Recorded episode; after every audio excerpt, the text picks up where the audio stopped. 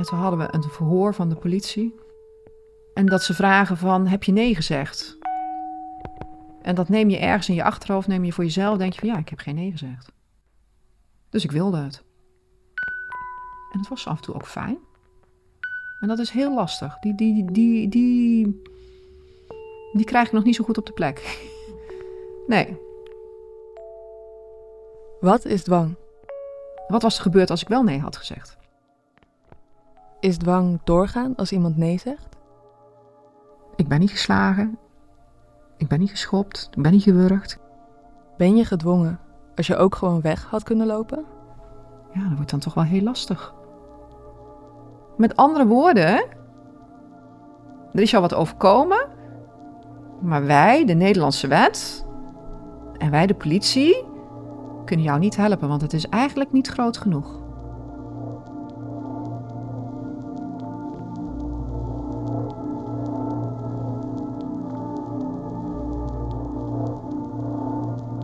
Je luistert naar Een soort God, een podcast van de Volkskrant. Aflevering 2, Wat is dwang? Mijn naam is Simone Eleveld en ik maak deze podcast samen met Anneke Stoffelen. In de vorige aflevering hoorden we van Jeppe en Joris hoe zij zich langzaam lieten inpakken door hun kung fu-leraar René, tot hij zo'n beetje al hun gedachten kon bepalen. In deze aflevering hoor je van Manuela. Zij is nu begin 50 maar als jonge vrouw leefde ook zij meer dan een decennium onder de vleugels van René. Hij is nu de verdachte in een strafzaak. En voor de record, bij de politie ontkende René bijna alles wat je zo meteen gaat horen van Manuela. Het had trouwens niet veel geschild of je had haar verhaal helemaal niet gehoord. Ik heb er even over getwijfeld, omdat ik ook gewoon het gevoel had nog steeds van... is mijn verhaal wel belangrijk genoeg om te vertellen? Is het wel groot genoeg? Verhalen die zich afspelen in een grijs gebied roepen veel vragen op. Waarom is ze niet weggegaan? Waarom heeft ze geen nee gezegd? Maar naar de antwoorden op die vragen wordt vaak niet eens echt geluisterd. En vaak zijn ze ook lastig uit te leggen. Maar Manuela wil alleen haar hele verhaal delen, inclusief alle grijstinten en alle twijfel, zodat je aan het eind zelf kan beoordelen: was hier sprake van dwang?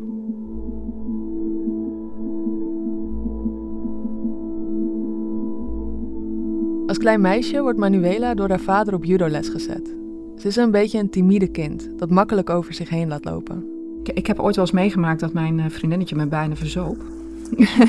dat, en dat de zwemleraar me, me, eh, min of meer uit het water getrokken heeft. En nou ja, daar deed ik verder niks, uh, niks aan. Bij judo leert ze om van zich af te bijten. En het klemmen en werpen van judo vindt ze leuk. Het geeft haar een gevoel van macht. En ze wordt er ook een stoerder meisje van. Tien jaar later, als ze 18 is, hoort ze van haar vriendje dat hij een andere vechtkunst heeft ontdekt: kung fu. En hij heeft ook een geweldige leraar gevonden, die niet alleen de bewegingen heel goed uitlegt, maar die ook heel veel weet over de mentale kant van de sport. Ik ging met, met mijn vriendje mee en uh, ik werd voorgesteld en dat, dat klikte meteen. Ik had meteen zoiets van, oh, dit is wat ik wil, dit is, dit is die, die diepgang in een vechtsport. Ja, die miste ik gewoon heel erg bij judo. Ja, ik zag daar een man met, um, een, uh, had altijd een, zwart t-shirt aan, zwarte kleren en uh, winsels om zijn polsen. En uh, hij was zeer voorkomend, heel charmant. En het, het vechten aan zich, dat zag eruit als, als iets wat, wat, wat me ontzettend aantrok. Het straalde een bepaalde macht uit, een bepaalde kracht. En, het zag er mooi uit. En slaan en schoppen. En ja, ja dat, dat was het. Dus dat ging ik doen. En volgens René heeft ze talent. Ik was natuurlijk ook wel lenig. En ik, ik had een manier van bewegen die hem wel aanstond. En uh, dat zusje van mijn eerste vriendje, die was er ook bij. En ja, daar merkten we meteen al dat dat een beetje concurrentiestrijd werd. Want ja, ik kwam natuurlijk van de judo af en ik uh, kreeg complimentjes om mijn oren heen, wat natuurlijk mijn ego ook wel streelde.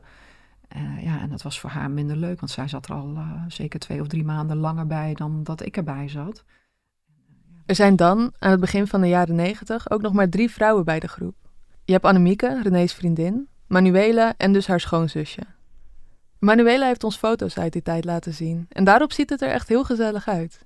Het is een vrolijke, uitbundige groep jongeren, uiteraard iedereen in het zwart, en meestal René een beetje aan de zijlijn, die als een soort vaderfiguur toekijkt. En toen was ik inmiddels uh, twintig, denk ik. En op mijn twintigste ging ik uh, op kamers in Nijmegen. En René en Annemieke woonden destijds ook in uh, Nijmegen. En vanuit de training brachten René en Annemieke mij dan thuis. Tijdens een van die ritjes draait René zich om naar Manuela. En op een bijna achterloze toon zegt hij tegen haar: Wist je dat ik vannacht over jou gedroomd heb? Ik denk, oh, hij heeft over mij gedroomd. Nou, dat is bijzonder. Dan ben ik wel benieuwd naar wat hij dan over mij gedroomd heeft. Ja, dat kom ik je wel een keer vertellen, want we moeten nog wat dingen bespreken. Een paar dagen later belt hij erop. Van zullen we een keer, uh, kan, ik, kan ik langskomen om te praten? Ik zei, dat kan. Ja, vond ik heel spannend. Ik woonde op kamers, ik had een heel klein kamertje. Dat kamertje ruimt ze extra goed op en dan mag René langskomen. Hij neemt plaats op een stoel onder haar hoogslaper. En hij vertelde van, nou ja, goed, uh, ja, ik wilde je toch wat vertellen. Uh, ik, uh, ja, ik heb over je gedroomd. Ja, we hebben een relatie gehad in vorige levens. Toen dacht ik, oh, oké. Ze schrikt, want een relatie met haar vechtmeester? Het idee is eigenlijk te bizar om zo snel te bevatten. Maar de gedachte dat hij meer weet over haar vorige levens, die fascineert haar. Wat ben ik geweest in mijn vorige leven? En daar heb je natuurlijk heb je daar al een heel boekwerk over geschreven in je hoofd. Van dit ben ik geweest en misschien ben ik wel krijger geweest. Want hij zinspeelde altijd op het feit dat je vroeger al krijger was geweest. En inderdaad. Ja, hij zei van nou ja, jij was vroeger een uh, kozak en uh, een krijger. En uh, vroeger hebben wij een relatie gehad, maar ik moest weer vechten. En nou, hij maakte daar een heel verhaal van. En hoe gek het ook klinkt, Manuela gelooft dat verhaal wel. René kan heel mooi vertellen. Maar hij zegt ook dat ze in dit leven misschien wel opnieuw een relatie zullen krijgen. En toen dacht ik, huh? Hoe zit dat dan met Annemieke? Want Annemieke is jouw vrouw. En ik heb, ik heb mijn, hè, mijn vriend. Hè, ja, nee, maar uh, die relatie loopt toch ook niet zo heel erg lekker. En dat klopte wel. Het liep ook niet heel erg lekker. En we hadden al een keer een break gehad van een half jaar. En de relatie tussen René en Annemieke, die stelt volgens hem ook niet zoveel voor. Het is een platonische relatie, zegt hij. Hij is vooral met haar om haar te beschermen tegen een gewelddadig familielid. Ja, waarom zou hij liegen tegen mij? Hij was mijn leraar. Toen zei hij, mag ik jou zoenen? Nee zeggen, dat kwam eigenlijk helemaal niet eens in me op. ik dacht van, oh ja, uh, ja, doe maar. Want ik mis je zo en ik heb je zo gemist al die levens. En ik wil hem helemaal niet kwetsen. Doe maar. Ik kan geen nee zeggen tegen jou. En van daaruit is het meteen al verder gegaan. Het is niet gestopt bij die Zoom. Het ging al verder. Diezelfde dag. Ja.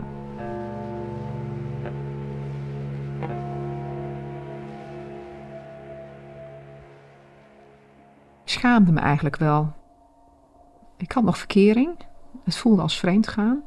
Het voelde niet als gepassioneerd vreemd gaan. Het voelde meer als iets wat ik liet gebeuren en waar, waar, ik eigenlijk geen nee op had gezegd. Het voelde niet als een thuiskomen of als een dit is wat ik zoek. Wil je hiermee verder? vroeg hij toen. En toen, toen heb ik wel nee gezegd. Ze zei, nou nee. Ik zei, nee, ik zeg, wil je eigenlijk verder niks mee? Geen probleem, zegt René. Laat het maar weten als je van gedachten verandert. Hij dringt verder niet aan. Maar bij Manuela blijft het wel in haar hoofd spoken. En ze belt hem op om te zeggen dat ze het ook wel gek vindt om nu te doen alsof er helemaal niets is gebeurd. Kunnen ze er niet nog een keer over praten? En ze zeiden, ja, maar dan heb je wel kans dat er weer wat gaat gebeuren. Dus dacht ik, nou, dat wil ik eigenlijk nog niet. Maar het verhaal blijft aan haar trekken. Want deze bijzondere man, waar iedereen tegen opkijkt, die weet dingen over haar eerdere levens die zij niet weet. En als ze tegen hem nee zegt, dan zegt ze ook nee tegen dat mooie verhaal.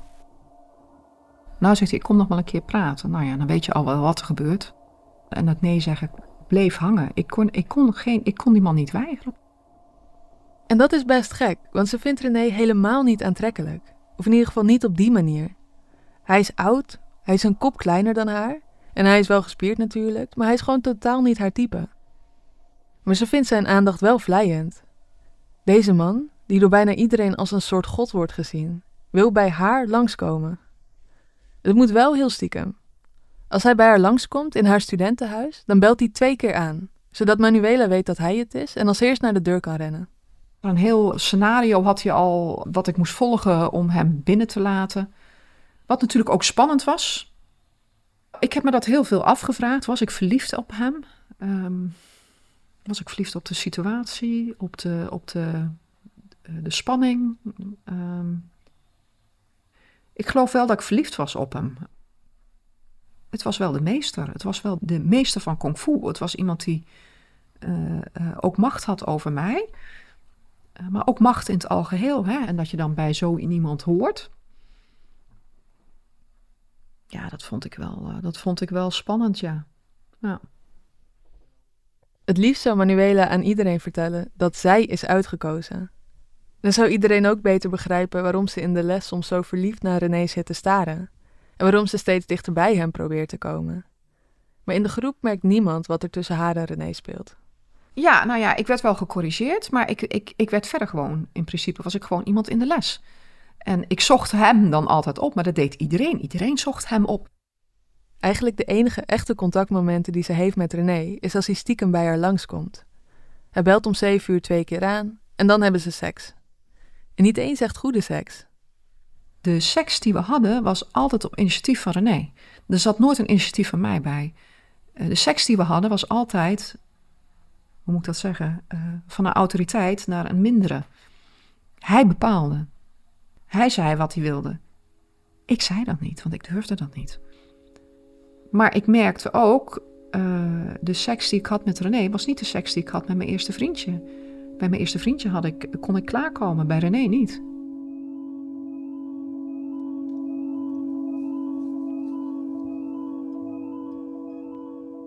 Na de seks praten ze meestal nog wat. En op de beste dagen bestellen ze Chinees en eten ze samen. Op die momenten lijkt het nog het meest op een echte relatie. Maar het duurt nooit lang. Alleen gesprekken en seks en voor de rest niks. Het was, we gingen er niet op uit. We gingen niet naar een restaurant. We konden ons niet laten zien. We mochten niet in de openbaarheid. Dat was, dat was heel lastig in die tijd. En het is natuurlijk ook wel gek dat als René zo verliefd is op haar, dat hij dat niet aan de rest van de wereld wil laten zien. Maar alle twijfel die Manuela erover heeft, die drukt ze weg. Ja, weet je, als je iemand wantrouwt, wil dat zeggen dat je iets wantrouwt wat eigenlijk ja, je leven min of meer uh, is geworden. En wat dan? Wat moet ik dan? En René heeft er ook een verhaal bij. Want hij legt uit aan Manuela dat hij als boeddhistisch vechtmeester zelf ook nog leermeesters heeft, die hem vertellen hoe hij moet leven. En hij heeft aan hem verteld hoe verliefd hij is op haar. Maar, beweert hij, zijn meesters keuren hun relatie af. Want volgens hen is Manuela nog niet ver genoeg in de vechtsport om met zo'n autoriteit als René te kunnen zijn ja, ik was gewoon te laag in de rangen om een relatie mee te hebben. En uh, dat, dat, trok hem naar beneden. Dus ik moest zorgen dat ik beter werd in kung fu. En ik kreeg allerlei richtlijnen mee. Die richtlijnen die gaan eigenlijk vooral over Manuela's gedrag buiten de training. om beter te worden moet zij leren om zuiver te leven. Dat betekent geen drank, gezond eten en geen uitdagende kleding, maar wijde zwarte t-shirts. En ook haar omgang met andere mensen moet zuiver worden. En ik was altijd best eh, open en best uitbundig. Ik deed een studie fysiotherapie. Nou, dat was al helemaal niet in zijn straatje. Ik, uh, ik had een, uh, een patiënt bij een praktijk in Groesbeek, waar ik stage liep op dat moment. En die jongen die moest ik behandelen. En René zegt, hoe voel je dat? Zit je nou met je handen aan die man? Ik zeg, ja, want anders kan ik hem niet behandelen. Dat vind je vast prettig. Is het een leuke jongen om te zien? Ik ja, is een leuke jongen om te zien. Ik was daar heel open en ik, ja, weet je, als ik eenmaal me toegelegd heb op iemand, ga ik niet nog eens een keertje. Ja, dat zeg je wel. Maar je maakt mij niet wijs dat je helemaal niks voelt. Jij vindt het eigenlijk te leuk om aan mannen te zitten terwijl je dit doet. Elke keer als hij bij haar langskomt, wil René alle details weten. Hoeveel mannen heeft ze behandeld? Hoe zagen die eruit? Hadden ze een gesprek? Was het een leuk gesprek? En ik werd er steeds ongemakkelijker over. Ik denk van ja, misschien heeft hij wel gelijk. Misschien moet ik eigenlijk ook helemaal niet dit soort gesprekken voeren met mensen die mijn patiënten zijn. Misschien is zij wel het soort meisje dat daar verkeerde gedachten bij heeft. Want ja, ze is flirterig, dat weet ze. En misschien brengt ze mannen inderdaad daarmee op verkeerde ideeën.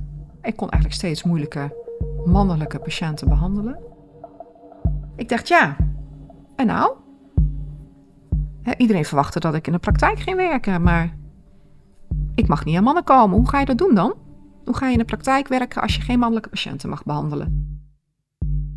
Maar René heeft een oplossing voor haar. Hij stelt voor dat Manuela op de sportschool les komt geven. En het lijkt haar ook een goed idee. En zo stopt haar carrière als fysiotherapeut eigenlijk al voordat hij is begonnen. Maar voor René is het niet eens genoeg. Hij ziet steeds weer nieuwe momenten waarop ze de fout in gaat. Dan had ik contact gehad met een van de jongens in die kung fu groepen. En dan had ik bijvoorbeeld te veel gepraat met iemand. Was ik te aardig geweest? Ja, nou is die jongen verliefd op je, zei hij dan. Ik zeg, hè? Ja, hij denkt dat jij wel te pakken bent. Dat heeft hij gezegd tegen mij. En dus zorgt ze dat ze nooit meer één op één contact heeft met de jongen. Maar René lijkt wel geobsedeerd. Elke keer dat hij haar ziet, begint hij erover. Waarom bukte ze bijvoorbeeld in een veel te strakke spijkerbroek vlak voor de ogen van de jongen? En hoe hard Manuela ook probeert, eigenlijk alles wat ze doet is fout. Ja, als je dan naast elkaar ging zitten, dan was dat eigenlijk een teken voor René dat ik de jongen leuk vond en dat ik met die jongen iets wilde. Dus ik mocht er niet naast zitten. Maar als er iemand naast mij zat en daarnaast zat de jongen, en degene naast mij zat iets lager, dan zaten de jongen en ik op dezelfde hoogte, dat was ook al een teken. Maar ging ik er tegenover zitten, dan was dat nog erger, want dan konden we elkaar elke keer aankijken. Dus dan wist hij zeker dat ik iets met die jongen wilde. En dus probeert Manuela elke keer precies uit te kiezen waar ze het beste kan gaan zitten. En als iemand anders dan op die stoel gaat zitten, dan breekt het zweet daaruit. En dat werd dan ook in de groep werd dat verteld, dat ik eigenlijk nymphomane was en dat ik eigenlijk niet van de mannen af kon komen. En eigenlijk durfde ik nooit niks te zeggen. Ik, ik was op een gegeven moment zo bang voor die gesprekken binnen die groep, dat ik al helemaal aan de diarree raakte als ik, als ik wist van nou, we hebben het einde van de les op zondag en dan krijgen we een bespreking. Nou, dan begint René eerst te vertellen waar ze het over gaan hebben. En dan zegt hij ook dit nog. We moeten het ook nog over Manuela hebben. En niet alleen over haar gedrag naar mannen, ze moet ook werken aan haar gedrag naar vrouwen. We hadden dan een meidengroep, want de meiden moesten dan zusters van elkaar zijn. Ja, en als ik dan belde, dan was ik te kort af geweest. Ja, het was zo kort. Ik heb niet het idee dat ze, dat ze het leuk vindt om eh, bij die meidengroep te zitten. Nee, dat heb ik ook niet, zei een ander dan. Nee, want ze is er eigenlijk nooit echt bij. Ze draagt eigenlijk nooit bij in de gesprekken. Ja, en dan, uh, en dan kreeg je te horen. Je werd compleet door iedereen in die groep afgebrand, omdat je niet voldeed. Je doet een stapje terug, je hoort er niet meer bij. Je zit niet meer in je lijf. Je ziet van een afstand zie je mensen dingen tegen jou zeggen en je denkt van het zal wel.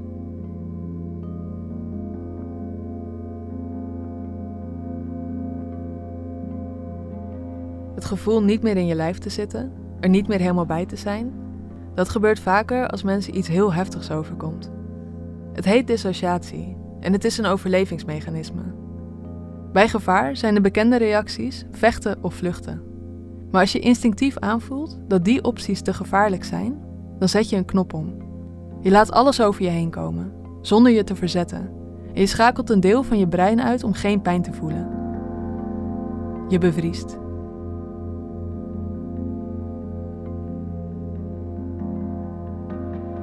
En dan had hij heel vaak dat hij s'avonds daarna nog een keer belde van... Uh, heb je het nou gesnapt? Ik hoorde hem nog zeggen.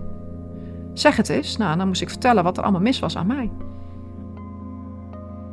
Manuela raakt steeds verder opgebrand. En René die blijft maar doorgaan over haar nymphomane gedrag. In het bijzonder over haar gedrag naar die ene jongen. Die jongen waarvan hij maar blijft beweren dat Manuela hem probeert te verleiden. Maar hij heeft nu ook een manier bedacht waarop ze haar liefde aan René voor goed kan bewijzen. Een wonderlijke manier. Maar dit is René's logica. Ze kan haar liefde aan hem bewijzen door met die jongen naar bed te gaan.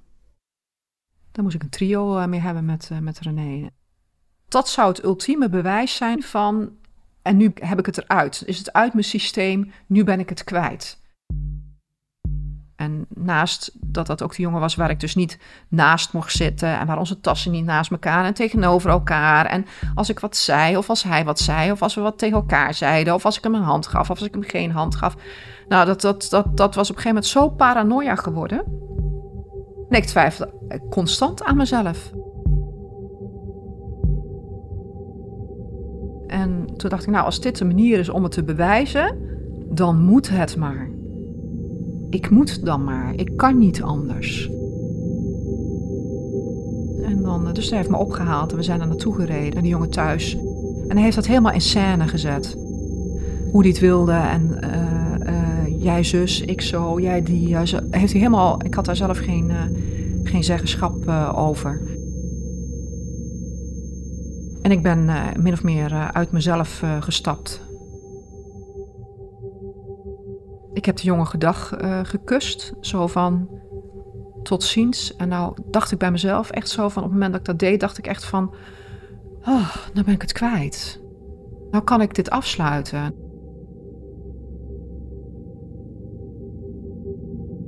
René brengt haar weer terug naar huis. En in de auto vraagt hij aan haar, was het goed, de seks met die jongen? Ze weet niet goed wat hij wil horen, dus zegt ze maar ja. Fout antwoord.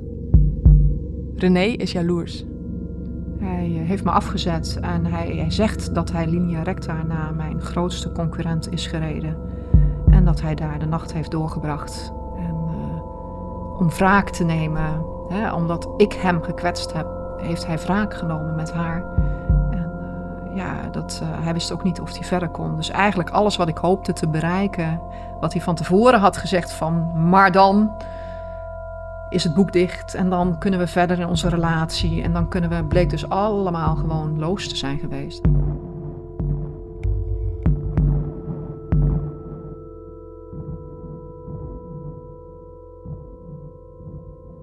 Ze geeft nog wel elke week les op de sportschool, maar bij de theorielessen mag ze van René niet meer komen.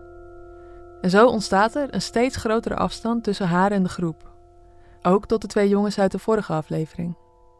Joris en Jeppe, die heb ik allemaal meegemaakt nog, maar die waren van een heel ander kaliber als dat ik was. Zij zijn dan nog de jongens die door René op een voetstuk worden gezet. Ik was wel enigszins jaloers. Ik denk, ja, godverdorie, wat doen hun nou anders als dat ik doe? Ik snapte dat niet. En aan de andere kant merkte ik ook wel dat doordat ik de ruimte kreeg uh, om niet meer bij de theorie uh, te zitten, en ik merkte ook de bezoekjes van René werden ook langzaam steeds minder. Wel elke keer nog zeggen, ja, wacht vanavond op mij, want dan kan ik bellen en dan kom ik langs. Dus dan zat je daar tot één uur s'nachts te wachten en dan kwam er niemand. En dan moest je weer wachten totdat je op training was en elkaar zag. En dan zei hij van, nee, kom maar even mee naar het kamertje. En dan had je een kamertje in het fysio van, de, van het fitnesscentrum, waar hij dan zogenaamd behandelingen gaf. En dan draaide maar om één ding, wat er een behandeling gegeven werd. Nee, maar vanavond kom ik echt langs, zei hij dan na afloop. En je voelde je daar steeds viezer onder.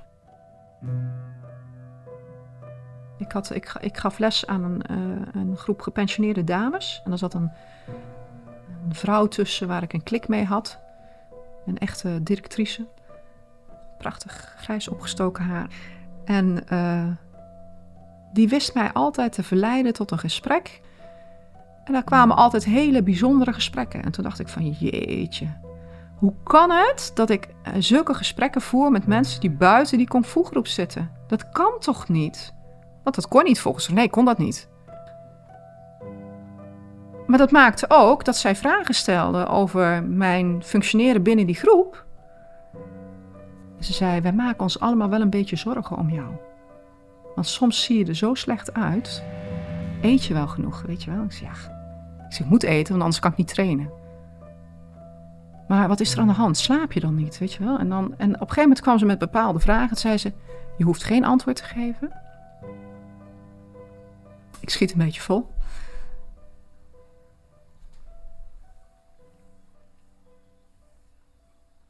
Geef maar antwoord als je eraan toe bent. Ik mis haar, ze. Ze is heel erg dement geworden. Ik kan niet meer met haar praten.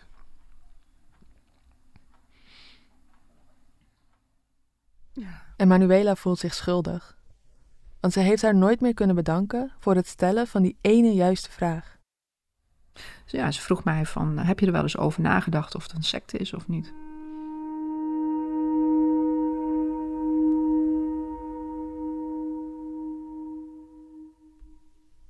Die vraag plant een zaadje in haar hoofd.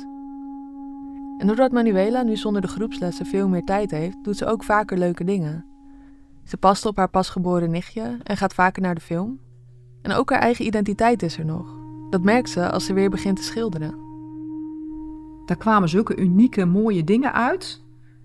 Dat ik eigenlijk helemaal verbaasd was. Dat ik dacht van, oh, dus toch iemand die wel iets eigens heeft. En door al die dingen merkt ze dat er ook nog een hele wereld is buiten de groep. Ze is dan al halverwege de dertig.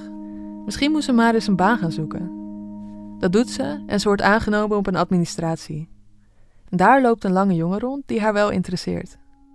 En we raakten aan de praat. En dat klikte en dat klikte steeds meer. En dan groeide langzaam, ook omdat die deur open stond. René die, die, die, die, die was eigenlijk één keer geweest een half jaar tijd of zo.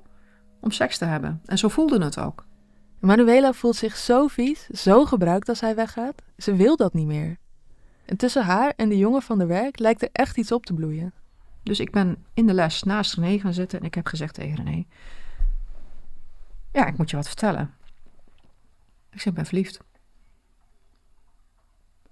Ja, dat dacht ik al wel. Nou, als je er vanaf wilt, kom maar mee.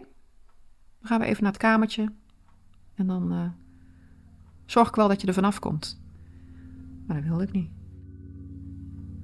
Nee, dat wil ik niet. Oh, dat is een nee. De jongen van haar werk weet dan nog van niks. Pas een paar maanden later schraapt ze al haar moed bij elkaar. Nou, toen heb ik hem dus gebeld. En gelukkig was het wederzijds. Als dit een film was, dan zouden hier waarschijnlijk de violen aanswellen. En zou hier het verhaal eindigen. Maar zo makkelijk is dat niet bij insecten. Ieder deeltje van je leven is verweven geraakt met de groep. En net zoals je er in hele kleine stapjes in verzeild raakt, zo zijn het ook weer een heleboel kleine stapjes die je moet zetten om eruit te komen. Manuela die geeft bijvoorbeeld nog steeds les aan de groepen van René. Maar ook dat wil ze niet meer. Dus ik denk, nou, ik ga terug en dan ga ik afscheid nemen van mijn broeders en zusters, die nog steeds broeders en zusters voelden op de een of andere manier. En ik ga René uh, zeggen dat ik stop. Op een zondagochtend rijdt ze naar de sportschool. Ze wacht tot René klaar is met lesgeven en vraagt of ze hem even kan spreken. Samen lopen ze naar het behandelkamertje. Dat kamertje, ja. En ik zeg tegen hem, nou, ik wil je, wil je zeggen dat ik ging stoppen. Ik ga stoppen met uh, kung zegt hij, oh, wacht even. Dus hij loopt door de deur heen. Hij gaat weer naar de zaal toe. Hij komt terug met zijn rugzak. Hij haalt er een hele kleine, korte revolver haalt eruit. Op dat moment dat ik die revolver zag, werd ik zo kwaad. Dus ik kijk hem aan. Ik zeg, uh, wil jij mij nou dood gaan schieten? Ik zeg, dan moet je het nu doen. Nee, ik ga nou niet schieten. Ik zeg, nou, als je dat wil, moet je dat nu doen. Dit is je kans. Nee, zegt hij, ik, uh, ik schiet je niet dood. Ik kom je opzoeken als je over mij praat en dan schiet ik je knieschijf kapot. Manuela heeft niets meer tegen René te zeggen. Blind van woede loopt ze het kamertje uit en de sportschool uit. Ik heb ook nooit meer contact gehad met mensen. Nooit meer. Nooit meer. En toen moest ik uitvinden wie ik was.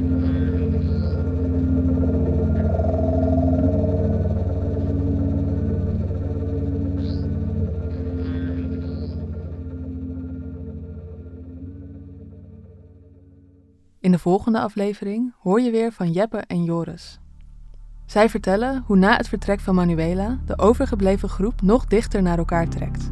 Je bent eigenlijk gewoon altijd bij elkaar. Die ene dag dat je er niet bent, dan kom je thuis en flik je met kleren aan op de bank en, uh, en je wordt s ochtends een keer wakker. En je hoort ook van een nieuw lid van de groep. Over hoe René zo'n macht heeft dat niemand ingrijpt als hij ook fysiek geweld begint te gebruiken. Ik kan me echt zo herinneren dat hij dat gewoon zo ook echt vond, van die malle klapjes. Terwijl echt waar, ik dacht, nou, je slaat daar dadelijk nog door midden, man. Waarom blijven ze zelfs dan René volgen? Ergens in mij had ik zo de overtuiging dat hij het allemaal voor mij deed. Ik was wel super bang, maar iets in mij vond toch altijd van ja, René gaat dat niet doen. Hij gaat niet mijn uh, strot doorsnijden.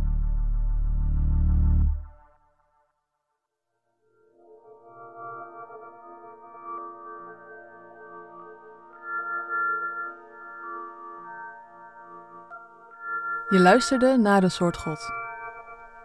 Mijn naam is Simone Eleveld en ik maak deze podcast samen met Anneke Stoffelen.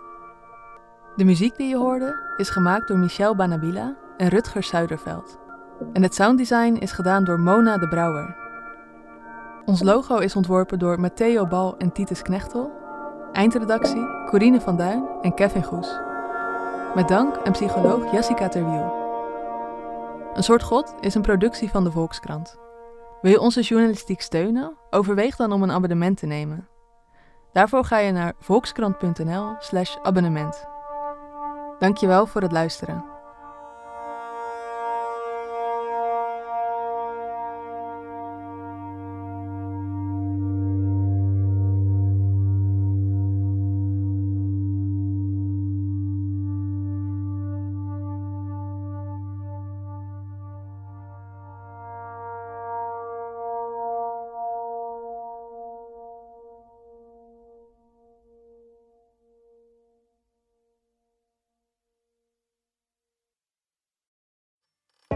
Sneller reizen dan het licht. Is het dan toch mogelijk? Met welke radicale uitvindingen kunnen we klimaatverandering stoppen? En hebben dieren eigenlijk ook een gevoel voor humor? Ik ben Tony Mudde, chef van de wetenschapsredactie van de Volkskrant. En deze en andere vragen beantwoorden we in de wetenschapspodcast Ondertussen in de Kosmos.